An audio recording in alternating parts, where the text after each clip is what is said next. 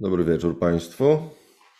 Zaczynam od tradycyjnej prośby taktycznej o sygnał na czacie, czy widać mnie i słychać, żeby mieć pewność, że jesteśmy w kontakcie. I zaraz zaczynamy.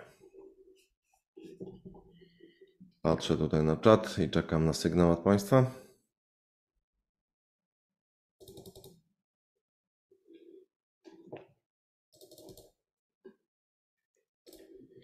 Czy widać, czy słychać?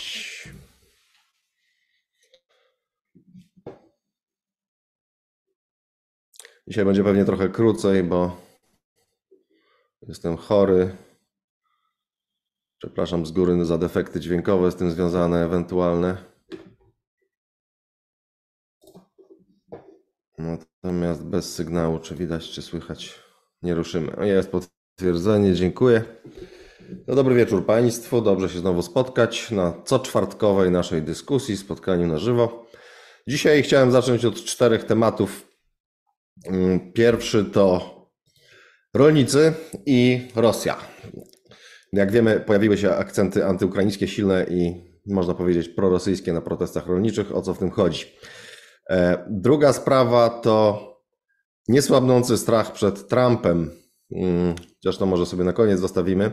Temat już był szeroko omawiany, ale ma swoje dalsze, swoją kontynuację i silnie jest dalej obecny.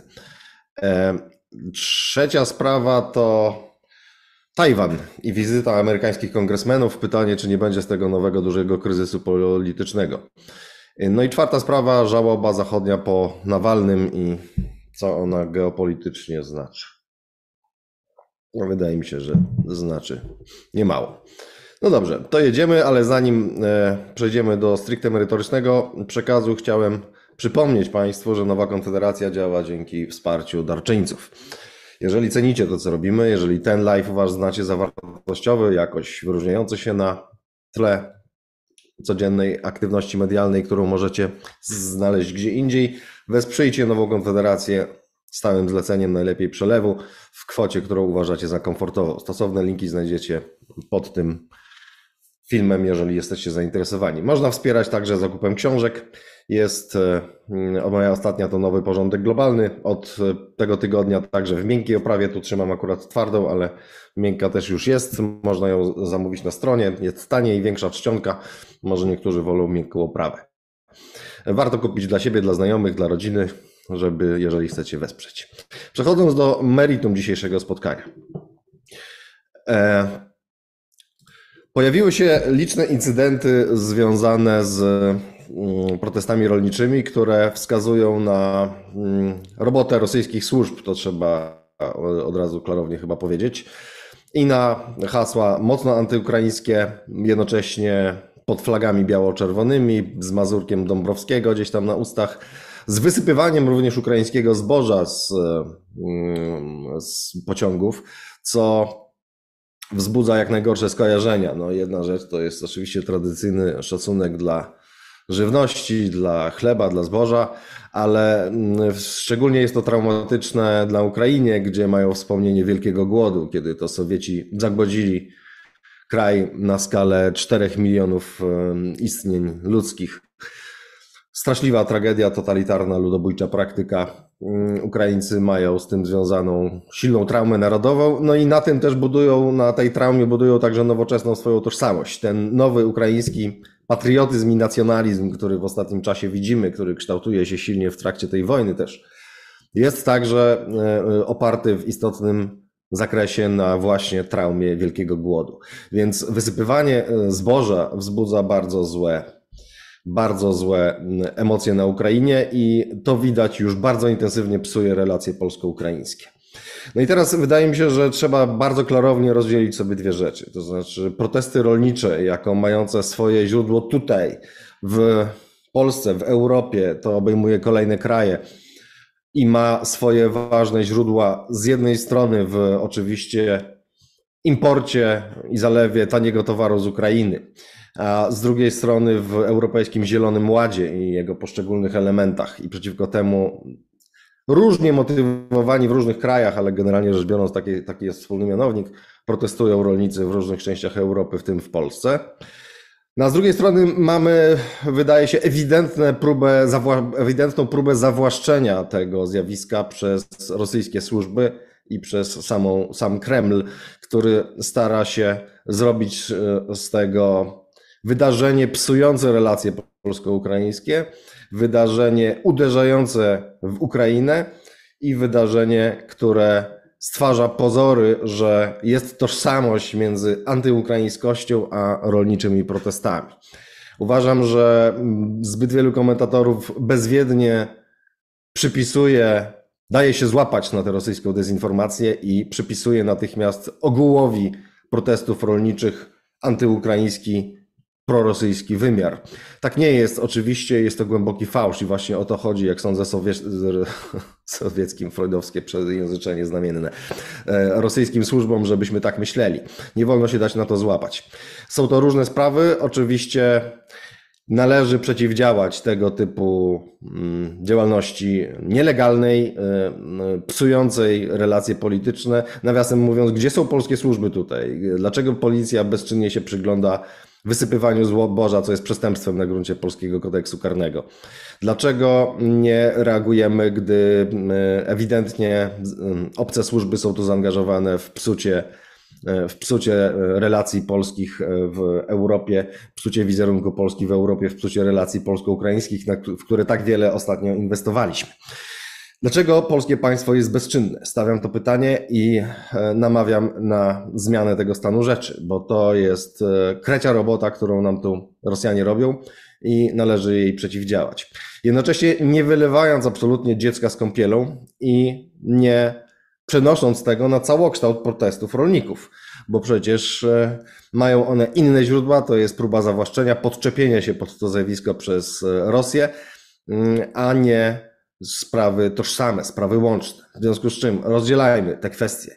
Wrogą działalność rosyjską i zawłaszczanie tego od mm, źródeł tych protestów. Źródeł, które tkwią w dużej mierze w europejskim szaleństwie klimatycznym, w tym, że europejska polityka klimatyczna, unijna polityka klimatyczna została zawłaszczona, przejęta przez fanatyków, prawdopodobnie działających w sojuszu z brudnymi interesami dużego przemysłu europejskiego, który chce przenosić produkcję, brudną produkcję do krajów peryferyjnych, do krajów nieeuropejskich, gdzie regulacji środowiskowych nie ma albo są dużo, dużo mniejsze, dużo mniej dotkliwe, gdzie są przy okazji niższe koszty pracy i tak dalej. Więc wielkie interesy w parze z fanatyzmem doprowadziły do zawłaszczenia unijnej polityki klimatycznej i forsowania nierealnych celów typu zeroemisyjność do 2050 roku, typu ostatnie deklaracje zaostrzenia celów e, do poziomu 90% redukcji emisji do 2040 roku. To jest droga do samobójstwa Europy i dobrze, że rolnicy z tym walczą. Aczkolwiek oczywiście rzecz jest zróżnicowana i tutaj e, przypomnijmy to, co mówiliśmy na poprzednich spotkaniach że Komisja Europejska podejmuje kroki najgorsze z możliwych w reakcji na te protesty. To znaczy, akurat klimatycznego szaleństwa nie jest skłonna przemyśleć. Tu przypomnijmy jeszcze, że Unia, kraje Unii Europejskiej wytwarzają 7% globalnych emisji, więc nawet jeżeli przysiądziemy się wszyscy na furmanki, zlikwidujemy wszystkie auta spalinowe, i cofniemy się generalnie do gospodarki zbieracko-łowieckiej, to i tak planety to nie uratuje, ponieważ inni truciciele, inni szotani są tu czynni, inni truciciele trują o wiele bardziej. W tym Chiny, które zresztą na czele z Chinami, które są zresztą liderem w inwestycjach w zieloną transformację, ale jednocześnie liderem w zatruwaniu planety. W związku z czym te szalone cele nie tylko e, są szkodliwe i samobójcze dla Europy, ale nie są proekologiczne w istocie, ponieważ e, nie zmienią obrazu sytuacji, nie zmienią globalnego bilansu zanieczyszczeń. Jednocześnie akurat to, co należałoby zrobić i gdzie nie należałoby rolnikom ustępować, czyli trujące substancje w przemyśle e, spożywczym, e, w rolnictwie, takie jak glifosat, takie jak różne pestycydy, to tutaj Komisja Europejska akurat ustępuje, jak się wydaje, głównie pod wpływem lobbingu rolników francuskich, niemieckich, ale też po trosze Polski. Tutaj uważam, że należałoby być twardym i absolutnie powstrzymywać przed dalszym zatruwaniem Europejczyków e, tego typu trującymi substancjami. To by było proekologiczne, to by było proludzkie, to jest słuszne. Tu akurat Komisja Europejska ustępuje i w tym tygodniu kolejne ustępstwo w tej dziedzinie z jej strony, to już chyba czwarte mm, od jesieni i drugie w tym miesiącu. Natomiast w sprawie rewizji szalonego klimatyzmu, tego fanatycznego klimatyzmu, którego, który Ursula von der Leyen, a zwłaszcza e, Timmermans stali się znakami rozpoznawczymi, no, niestety tutaj śladu refleksji jak na razie nie ma. Więc e, to, co najmądrzejszego można by wyciągnąć z tych protestów, to nie jest robione, a to, co najgłupszego można by wyciągnąć z tych protestów, to właśnie dokładnie jest robione i najbardziej szkodliwego dla zdrowia Europejczyków i dla ekologii. No bo chyba, że nie uznamy ludzi za część przyrody, no to wtedy oczywiście możemy iść też w tego rodzaju aberracje, że zwierzątka, prawda, i roślinki chronimy, a ludzi, ludzi trujmy. No ale jak sądzę, nie są nawet tacy, którzy sądzą, że należałoby zniszczyć gatunek ludzki, żeby chronić planetę, chronić przyrodę. E, no ja jednak widzę to jako jedną całość i ludzi widzę jako ważny element życia na Ziemi, który należy chronić. W związku z czym zdrowie Europejczyków, życie Europejczyków, mm, ich bezpieczeństwo przed rakiem, bo takie skutki wywołują te substancje niektóre, czy chorobą Parkinsona, należy chronić. Więc e, reasumując, rozdzielajmy kwestie, e, przeciwdziałajmy rosyjskiej dezinformacji, rosyjskiej agenturalnej działalności. Nawiasem mówiąc, niektórzy na Twitterze gdzieś tam przeprowadzali jakieś śledztwa i, znaczy nie na, na Twitterze komunikowali wyniki tych śledztw, że e, można było tam zidentyfikować po krótkim przepytaniu po prostu sponsorowanych ludzi z tego typu antyukraińskimi i w istocie prorosyjskimi hasłami na tych protestach, opłaconych po prostu przez kogoś. Przyznawali się do tego, więc myślę, że to jest robota dla służb, to jest robota także na, do współdziałania być może ze służbami sojuszniczymi, w tym amerykańskimi, E, żeby to robić. Natomiast przede wszystkim polskie państwo powinno zdać elementarny egzamin ze skuteczności tutaj i zadziałać przeciwko temu. E, nie, nie pozwalać na łamanie prawa, nie pozwalać na wrogą działalność agenturalną i e, przynajmniej, przynajmniej przeciwdziałać aktywnie i nie wylewać dziecka z kąpielą w postaci, to już na poziomie debaty, dyskusji, rozumienia procesów, nie wylewać dziecka z kąpielą, utożsamiając jedno z drugim. Drugi temat e, dzisiaj, mili Państwo, to Tajwan. Grupa amerykańskich kongresmenów ponadpartyjna, obejmująca obie formacje amerykańskie, udała się na Tajwan, e, wokół którego ostatnio szereg incydentów, sytuacja dosyć napięta, e, szereg incydentów między Tajwanem a Chinami, w tym śmierć dwóch rybaków chińskich w ostatnich dniach, gdzieś tam konwojowanych przez tajwańskie tajwańską kontrolę graniczną. Sytuacja napięta, można powiedzieć, bardziej napięta niż przed słynną wizytą Nancy Pelosi w 2022 roku. W związku z czym nasuwa się pytanie, czy będzie z tego duży kryzys polityczny. Pamiętamy, że wtedy był. Reperkusje zresztą dosyć długo się unosiły, w tym niewielkie, ale jednak obecne sankcje gospodarcze Chin przeciwko Tajwanowi. E, czy będzie z tego coś podobnego tym razem? No, wydaje mi się, że szanse na to są mniejsze jednak mimo wszystko, dlatego że z jednej strony sytuacja napięta i mm, doszło do zagęszczenia po prostu emocji tutaj i napięć. Natomiast e, z drugiej strony, raz, że Amerykanie wydają się działać tym razem dużo mniej prowokacyjnie i sama wizyta ma dużo niższą rangę. Nancy Pelosi mm, wizytowała Tajwan jako przewodnicząca mm, jednej z izb parlamentu, to znacznie wyższa też ranga niż członkowie tam komisji do spraw chińskich. E, to raz. E, dwa, że mniej w tym takiego posmaku prowokacji, takiego, e, takiej próby pokazania, że Tajwan jest po prostu niechiński, jest to delikatniej robione z większą powściągliwością. To jedna strona monety. A druga jest taka, że Chińczycy również wydają się bardziej o wiele powściągliwi teraz zresztą pracują nad tym, żeby takie cieplejsze relacje mieć ze Stanami Zjednoczonymi, w każdym razie tak to przedstawiają. Oczywiście realne relacje są zimnowojenne, ale jest pewne delikatne odprężenie, które jest na rękę Chinom i które mm, chcą, żeby kontynuować dialog, czy to w sprawie opioidów, czy to w sprawie części sankcji gospodarczych. Przepraszam, bo on przynosi im sukcesy, przynosi im pewne złagodzenie amerykańskich restrykcji. Także większa powściągliwość po obu stronach sugeruje, że mm, będzie z tego mniejszy problem niż e, w czasie wizyty Pelosi. w 2022 roku, ale decyzja należy do Chin i to tutaj należy zostawić, uważam, margines i obserwować uważnie, co zrobią, bo mogą zareagować też ostro i zrobić z tego duży kryzys polityczny.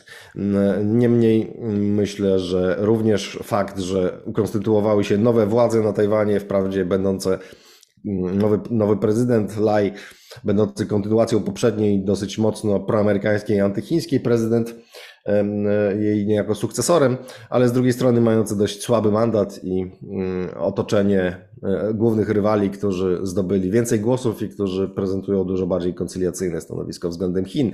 Wydaje się, że w tych warunkach e, robienie jakiejś burzy w szklance wody byłoby mm, mało sensowne dla Chin, bo generalnie rzecz biorąc powoli, ale zmiany mm, e, polityczne, przynajmniej na Tajwanie, idą w kierunku przez nie pożądanym, można powiedzieć.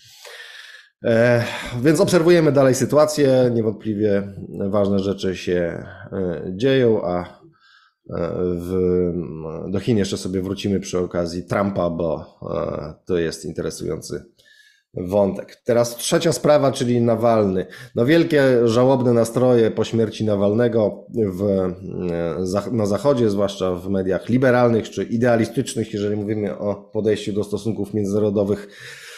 E, oczywiście należy się, mm, należy się łza umierającemu, ale myślę, że bez przesady i znajmy proporcje. I widzę dużą dozę romantyzmu i idealizmu w tym wszystkim i takiej naiwnej nadziei, że Nawalny to taka twarz demokratycznej, liberalnej Rosji.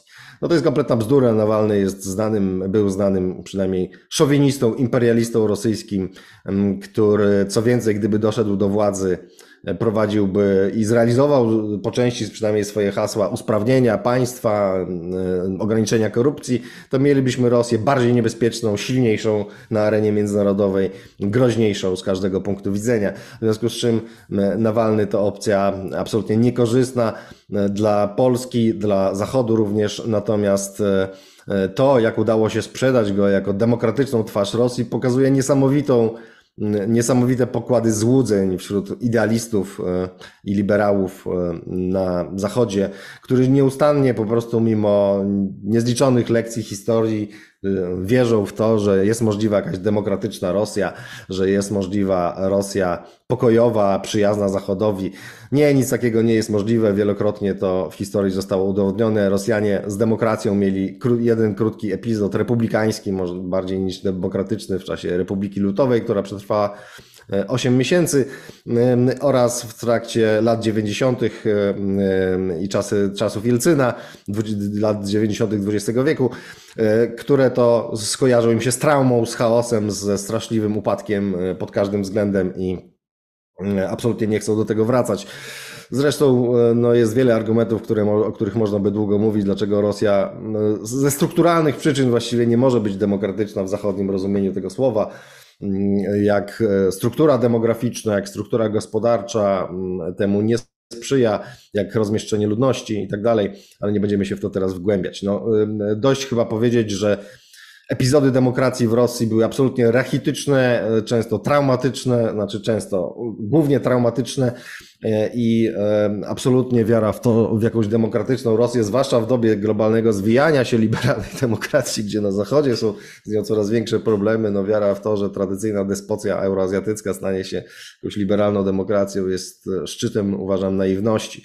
Liczenie, że też, że można zmienić po prostu naturę państwowości, imperializmu rosyjskiego poprzez to, że akurat facet, który dobrze sobie sprzedał się w zachodnich mediach, E, zostałby liderem rosyjskim, e, jest niesamowitą naiwnością. Jestem pod wrażeniem, jak długo te złudzenia się utrzymują, że prawda, naczelny Gazety Wyborczej po prostu od lat e, te sam, żyje tymi samymi złudzeniami, co w latach 80. i 90., kiedy to wierzyła ta formacja ideologiczna w możliwość liberalnej demokratyzacji całego świata no to, to mnie już nie dziwi, ale jak wiele ludzi to powiela, również po prawej stronie, po również ludzi rzekomo przyznających się do jakiejś formy realizmu, to mnie, to mnie nie przestaje deprymować, także mm, myślę, że warto znać proporcje.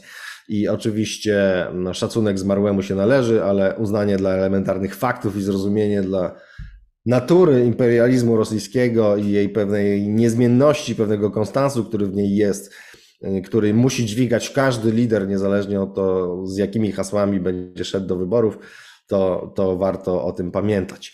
Y, warto też, nawiasem mówiąc, zwrócić uwagę na to, że Nawalny dopiero po tym, jak stał się jak stał się e, po prostu więźniem i stał się prześladowany przez reżim, to zaczął tak intensywnie romansować i zmieniać niektóre poglądy, romansować z zachodnimi liberałami. Wydaje się, że to było bardzo taktyczne.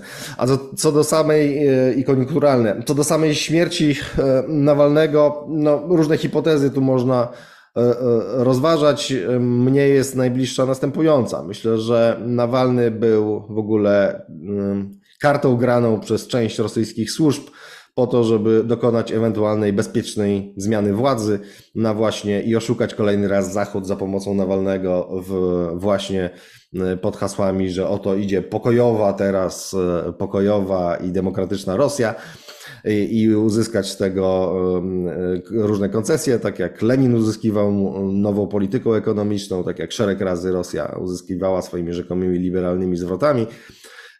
Natomiast e, w obliczu tego, jak dobrze Putinowi jednak suma summarum idzie na Ukrainie, znaczy fatalnie mu szło na początku, ale z czasem się pozbierał i e, dzisiaj no, wydaje się coraz bardziej jednoznacznie wygrywać tę wojnę i iść w kierunku finalnego zwycięstwa nad Dnieprem niestety dla nas.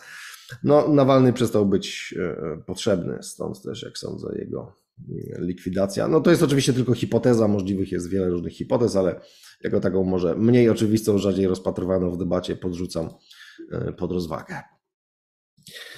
No dobrze, czwarty temat i ostatni z mojej strony, po czym przejdziemy do Państwa pytań, uwag, to niesłabnący strach przed Donaldem Trumpem. Jestem, muszę powiedzieć, pod wrażeniem, jak po prostu chodząc po, do różnych stacji telewizyjnych czy radiowych, ciągle ten temat jest obecny i ciągle po prostu dziennikarze o niego pytają.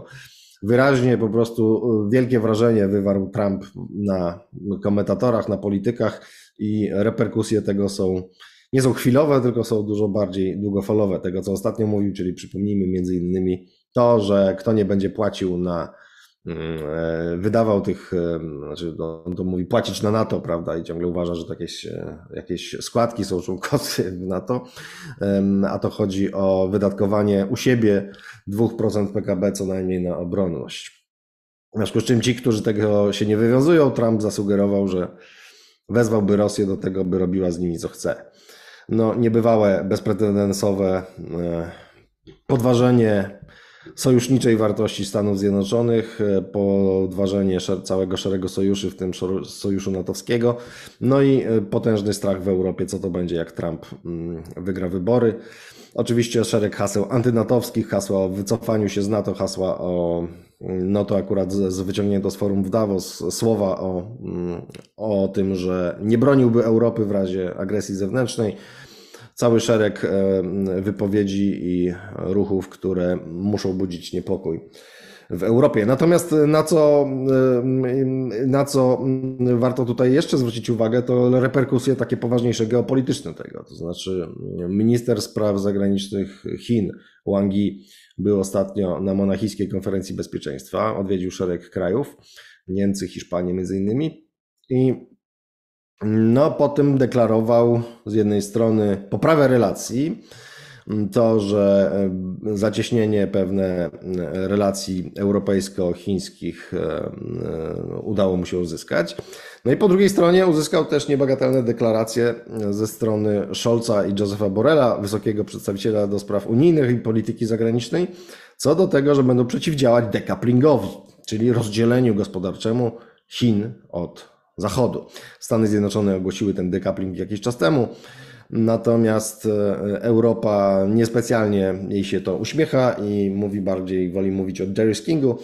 Natomiast to chyba taka dosyć wyrazista deklaracja padła o przeciwdziałaniu decouplingu tym razem. Także no, jest to pewien sukces e, chiński, nie jakiś przełom, ale, ale pewien sukces chiński. I o co chodzi? Dlaczego mówię o tym w kontekście Trumpa? No otóż wydaje się, że i takie głosy wśród analityków chińskich też się pojawiają, że Chiny mają pewną szansę wejść w lukę, którą tworzy Donald Trump.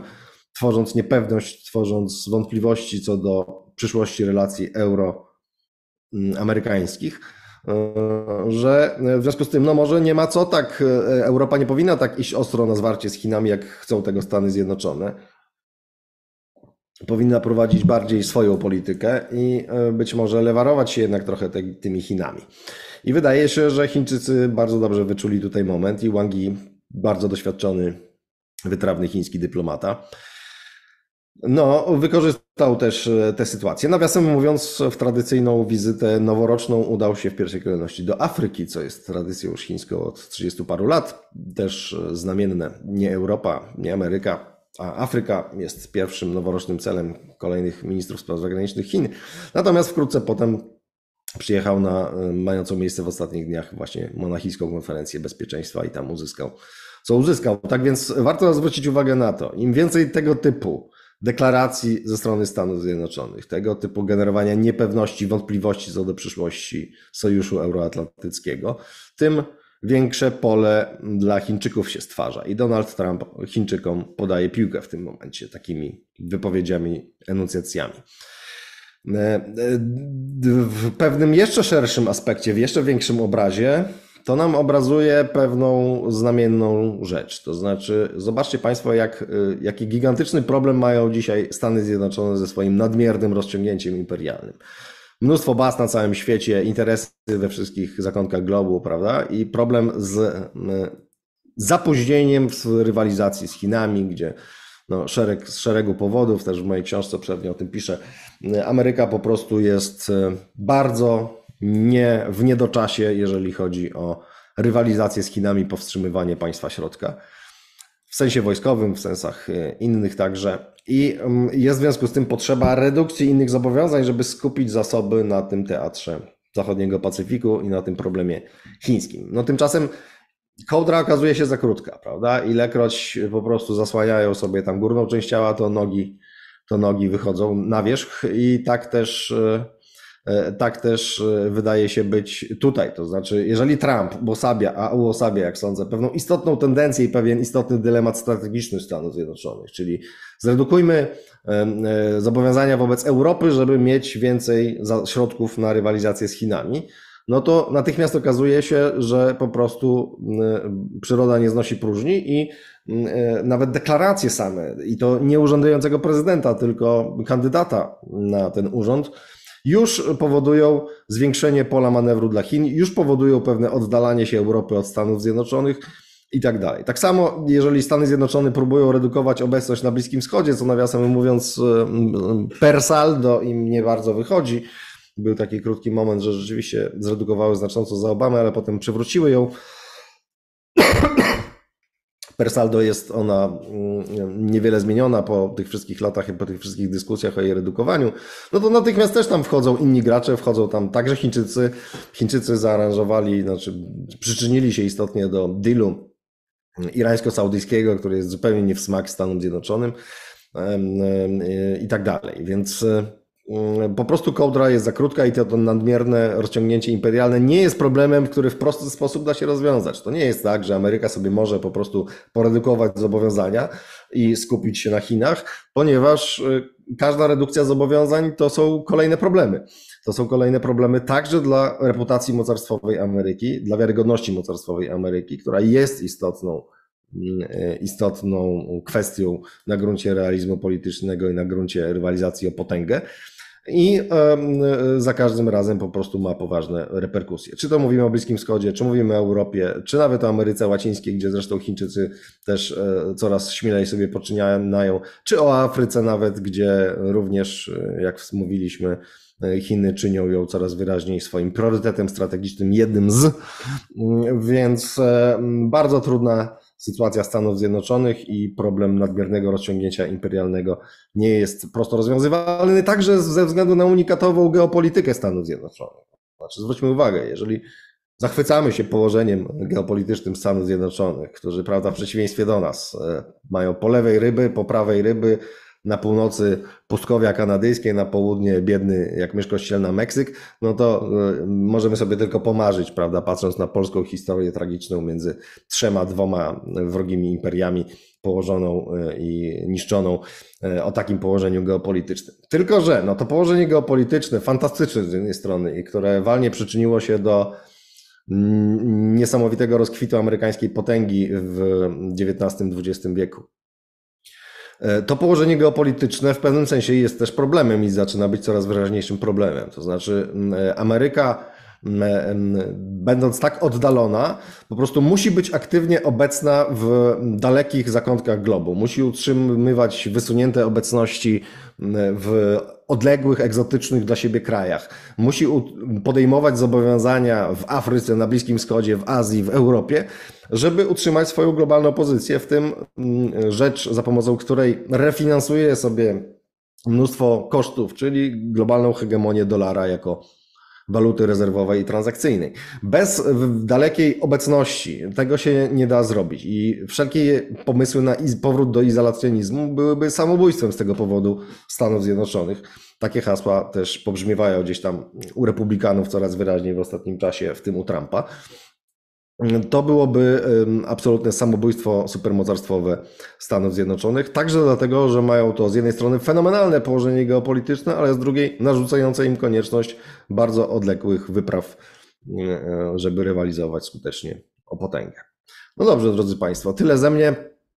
Na starcie dosyć długo, ale cztery ciekawe wątki. E, starałem się możliwie syntetycznie je i tak e, komentować.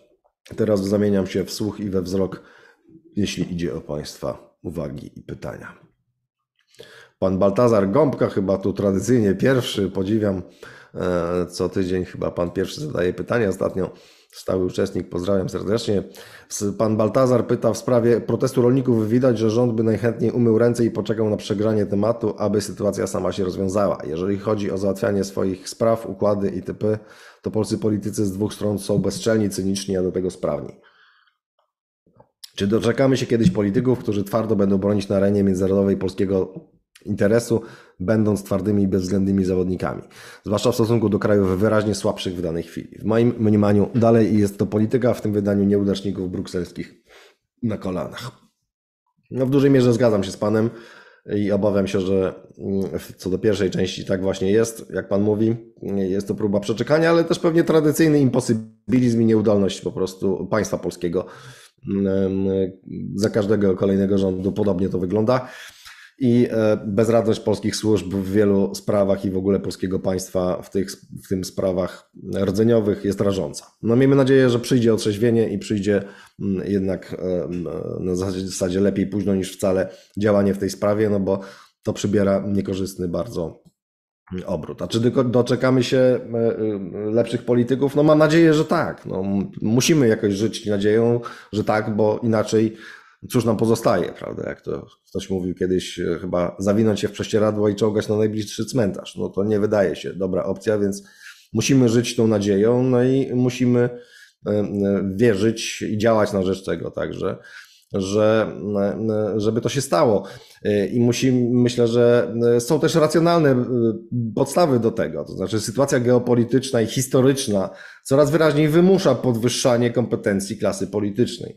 No po prostu z kompetencjami dotychczasowymi my nie damy rady w XXI wieku. W związku z czym trzeba podnosić jakość klasy politycznej, trzeba podnosić jej y, poziom realizmu także, trzeba je podnosić poziom jej sprawności w rozgrywkach międzynarodowych, o której Pan mówi żebyśmy dali radę w XXI wieku i żeby sama ta klasa polityczna dała radę, żeby się nie kompromitowała, żeby nie przegrywała wyborów, żeby nie przegrywała rozgrywek międzynarodowych.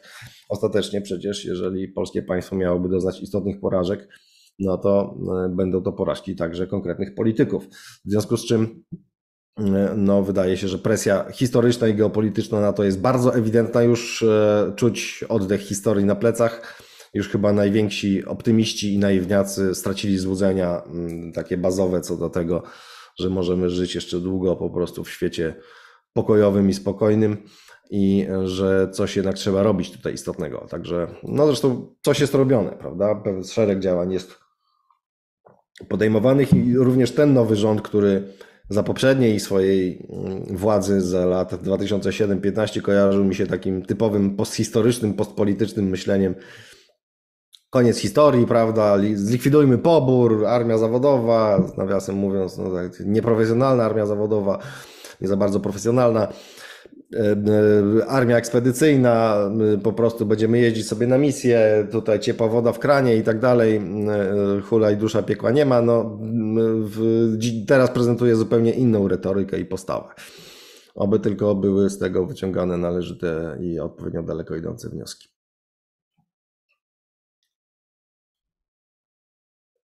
Pan Jackie pyta o PayPal. Rozumiem, że chodzi o płatności, tak? Dla nowej konfederacji chyba. Można PayPalem też płacić, tak. Linki tam znajdzie Pan. E, jeżeli nie pod filmem, to na pewno jak Pan wejdzie w ten link, to mm, odsyłający do darowizn, to tam na samej stronie są różne opcje płatności, w tym PayPal.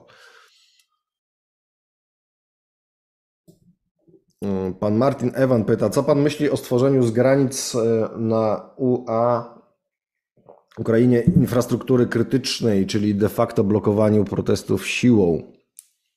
No taka, taka idea padła ze strony rządu naszego i jest to, mm, jest to interesująca idea. No muszę powiedzieć, że nie mam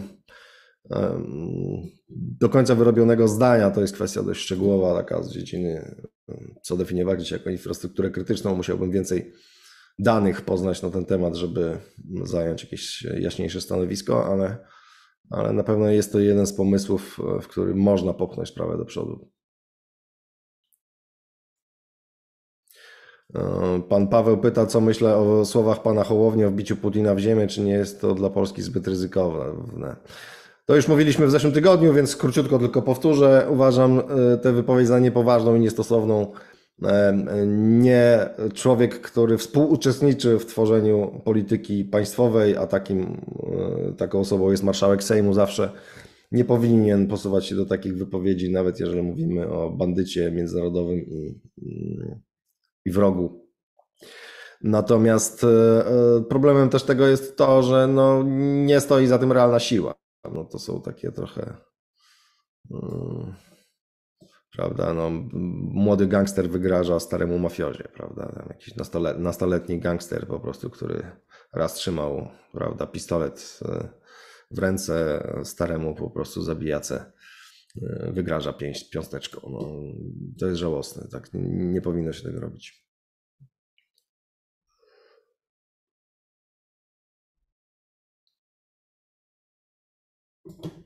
Pan Jan Albert Wielkopolski pyta, kiedy Pana zdaniem Niemcy i Rosja powrócą do praktyk biznesowych jak przed wojną? No, pytanie jest z tezą, czyli zakłada Pan nie czy, ale kiedy, tak? Przesądził Pan już, że powrócą. Rozum, rozumiem, no tak, niemiecko-rosyjskie relacje. Nie wydaje mi się to absolutnie oczywiste. Wydaje mi się, że pewne rzeczy zostały bezpowrotnie, czy przynajmniej na dłuższy czas zmienione i nie będzie prostego powrotu do relacji takich jak przed wojną. Wręcz myślę, że są podstawy sądzić, że Niemcy dokonały pewnych trwałych korekt w swojej polityce zagranicznej. Oczywiście lobby prorosyjskie wciąż w Niemczech istnieje.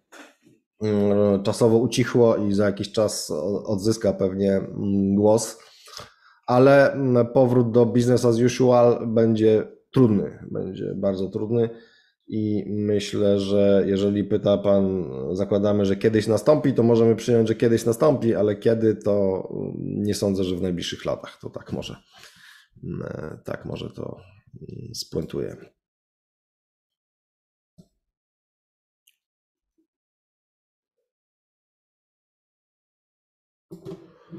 Pan Paweł pyta, ale to zboże nie nadaje się nawet dla świń, są na to twarde materiały nagrane przez rolników, a jeżeli oni mają traumę w sprawie głodu, to dlaczego sprowadzają taki syf? To nie jest szacunek dla zboża, do zboża. No, nie wypowiadam się na temat jakości zboża, nie badałem go, nie jestem ekspertem od zboża. Możliwe, że jest, jest do pewnego stopnia, tak jak Pan mówi, tak jak rolnicy mówią. Nie sądzę, że co do całokształtu zboża Ukraina jest jednak istotnym eksporterem na dużą skalę zbóż i nie sądzę, żeby e, tak zły, złej jakości towar po prostu mógł być kupowany przez tak wiele krajów na świecie, w tym żywić w dużej mierze Egipt na przykład. Także nie kupuję tego argumentu w całej rozciągłości, kupuję go jako być może dotyczący jakiejś części. Natomiast zwróciłbym uwagę na inny aspekt, który pokazuje kolejny element absurdu polityki Unii Europejskiej. To znaczy, to zboże nie spełnia i ta żywność generalnie ukraińska nie spełnia e, unijnych rygorów, w tym rygorów klimatycznych. Prawda? Więc e, z jednej strony mamy sytuację, w której dokręca się śrubę rolnikom europejskim, w tym polskim, coraz bardziej fantazyjnymi wymogami dotyczącymi standardów ekologicznych, e, w tym obowiązkami ugorowania ziemi dla zachowania bioróżnorodności, prawda, tymi różnymi rzeczami a e, jednocześnie zwiększa się import z zewnątrz. I to nie tylko z Ukrainy, ale e, nawiasem mówiąc, z Rosji wciąż e, import żywności po prostu ma miejsce i na przykład w krajach bałtyckich jest tym problem i rolnicy bałtyccy protestują przeciwko właśnie temu, przeciwko importowi z Rosji.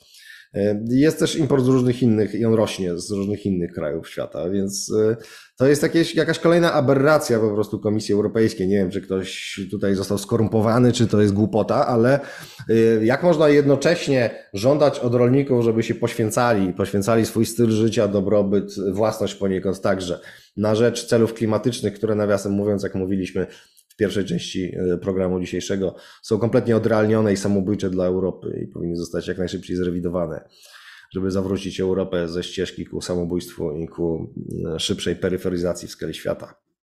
E, a z drugiej strony otwierać się na import niespełniających żadnych albo prawie żadnych standardów ekologicznych żywności z innych krajów. No, kompletna aberracja, działanie wbrew własnym interesom, wbrew interesom swoich rolników. E, to tylko doprawdy e, taki brudny właśnie układ interesów typu fanatycy, odrealnieni fanatycy w sojuszu z wielkim biznesem zainteresowanym eksportem brudnej produkcji do krajów zewnętrznych jest e, mm, taki brudny układ interesów po prostu jest tu charakterystyczny, jest tu prawdopodobny jako źródło tak absurdalnej polityki wbrew interesom europejskim prowadzone. E, powtarzają się ze strony niektórych osób pytania, więc wybaczcie Państwo, ale staram się tutaj tak, żeby jak najwięcej osób miało szansę się wypowiedzieć, więc teraz przeskakuję pana Jana Alberta i przechodzę do pana Roberta Dudały. E, głupota Polaków jest legendarna, nawet w przysłowiach podawana. No, nie zgodzę się z e, taką tezą. Pan Andy zauważa, że ale najwięcej w OZE i elektryki inwestują Chiny. Tak, to prawda. Chiny są. E, z Chinami problem polega na tym, że są liderem każdego segmentu energetyki. I w atomie, i w hydroenergetyce, i w węglu, i w OZE, i generalnie w zielonych źródłach, prawda? Więc są największym inwestorem e, w czyste, ekologiczne źródła, ale z drugiej strony są największym trucicielem. To jest taki paradoks. Chiny zresztą też e, deklarują neutralność klimatyczną, ale w 2070 bodajże roku. Te 20 lat robi ogromną różnicę. Oni dzisiaj rozpędzają swoją gospodarkę, a my już zaczynamy, zaczęliśmy zażynać ją w związku z naszą neutralnością planowaną na 2050 rok.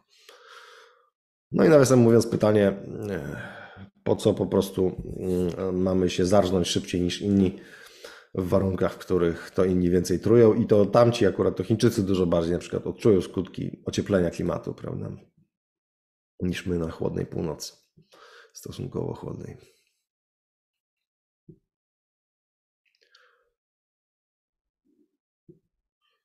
Pan Jan Karol Stolarczyk pozdrawia, dziękuję wzajemnie.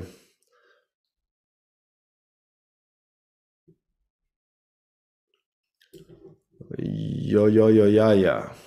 Ciekawy nick. Pytanie. Skąd to, i to już będzie chyba ostatnie dzisiaj, skąd to przekonanie, że to sprawka służb rosyjskich, a nie no, niemieckich, które mają tutaj tak samo mocne wpływy, u którym również zależy na skłóceniu nas z Ukrainą? No myślę, że y, prosta starożytna zasada cui prodest, czyli kto, skorzy, kto korzysta, po prostu tutaj obowiązuje. I y, stąd wydaje się oczywiste, że tak y, prorosyjski w esencji swojej przekaz i generowanie prorosyjskich w esencji swoich wydarzeń, no to jest coś, co głównie leży w interesie Rosji, w związku z czym no, sama charakter działań i sposób przeprowadzania no, wskazuje na robotę służb specjalnych, to tego typu instytucje to robią.